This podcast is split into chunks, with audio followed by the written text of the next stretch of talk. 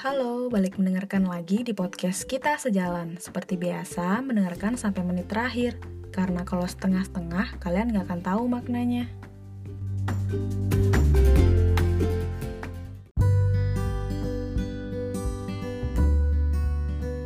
Hai, gimana hari ini? Udah bahagia belum? Apa masih kejebak sama yang itu-itu aja? Bosen gak? Jenuh ya sama rutinitas gini-gini aja? Rasanya tuh pengen punya pacar gitu. Tapi kalau punya pacar, kayaknya gak ngejamin deh bahagia. Karena yang aku tahu dari teman-teman aku, kebanyakan punya pacar ya gitu. Dikit-dikit galau, dikit-dikit sedih, tapi kadang bahagia sih. Pacar itu apa sih artinya menurut kalian? Pasangan yang nemenin kita, tapi nggak tahu bisa ke pelaminan atau enggak. Bener gak? Kayak belum pasti aja gitu. Hmm, bentar deh. Sebenarnya aku tuh mau bahas tentang menerima orang gitu. Kalian pasti pernah suka sama orang, tapi orangnya nggak suka sama kalian. Terus giliran orang itu suka sama kita, malah kitanya yang nggak suka balik. Emang sesulit itu ya nyari orang satu frekuensi? Kayak susah aja gitu nyambungnya. Kadang ada banyak hal yang bikin kita tuh nggak tertarik sama lawan jenis bisa dari cara dia ngobrol ke kita, terus dari cara dia ngedeketin kita, cara berpakaiannya, bahkan hal-hal sepele yang bikin kita tuh jadi ilfil gitu. Iya nggak sih? Terus kalian pernah gak sih kenal sama orang dari sosial media yang sama sekali nggak pernah ketemu? Cuma tahu orangnya dari foto doang. Terus kalian deket aja gitu.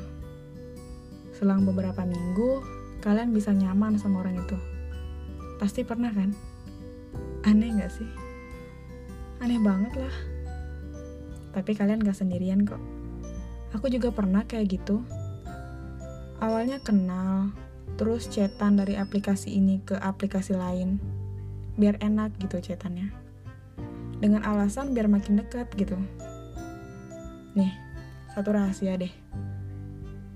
Cowok itu biar gak kelihatan banget kalau dia tuh lagi ngedeketin kita, kalau malam itu chatnya sengaja nggak dibales sama dia.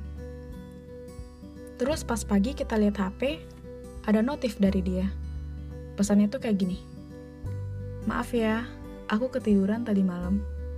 Ini sebenarnya dia tuh nggak bener-bener ketiduran. Mereka tuh sengaja banget kayak gitu, biar bisa lanjut lagi chatannya sama kita gitu. Sebenarnya kita tahu kan ya, cuma pura-pura nggak tahu. Karena kita sendiri juga seneng Terus abis itu setannya berlanjut sampai malam lagi. Terus kayak gitu sampai bener-bener deket. Abis itu punya hubungan spesial. Gak pacaran, atau mungkin ada yang pacaran sih. Atau punya komitmen mungkin. Abis itu kita sayang. Makin lama makin sayang. Habis itu bosen. Terus hilang. Itu nggak tahu ya.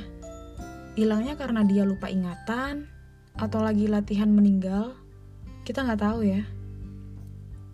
Kayak gitu nggak sih siklusnya? Habis itu kita galau kan, udah galau, setelah itu sembuh. Sampai akhirnya kalian ketemu orang baru lagi, kenalan lagi, seperti yang udah-udah. Capek nggak sih kayak gitu terus? Perubahannya tuh cuma sama orangnya doang, tapi siklusnya tetap gitu-gitu aja gitu. Yang benernya dari kita sendiri, kita harus bisa lebih memilah biar nggak jatuh ke lubang yang sama. Tapi terserah pada diri masing-masing sih. Kalau ya pengennya masih kayak seneng-seneng ya nggak apa-apa. Kayak gitu aja terus.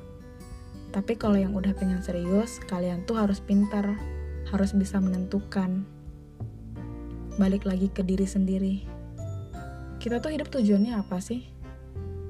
Kalau aku sih bahagia. Kalau tujuannya bahagia ya udah bahagia aja hilangin aja sedihnya. Tapi kadang sulit sih karena nggak hidup namanya kalau nggak ada masalah yang bikin sedih. Bener gak? Sebisa mungkin kita ilangin masalahnya, ilangin sedihnya. Capai lagi tujuan utama, bahagia. Karena kalau kita sedih, kalau kita punya masalah, yang bisa nyelesain cuma diri kita sendiri. Kita bisa kok.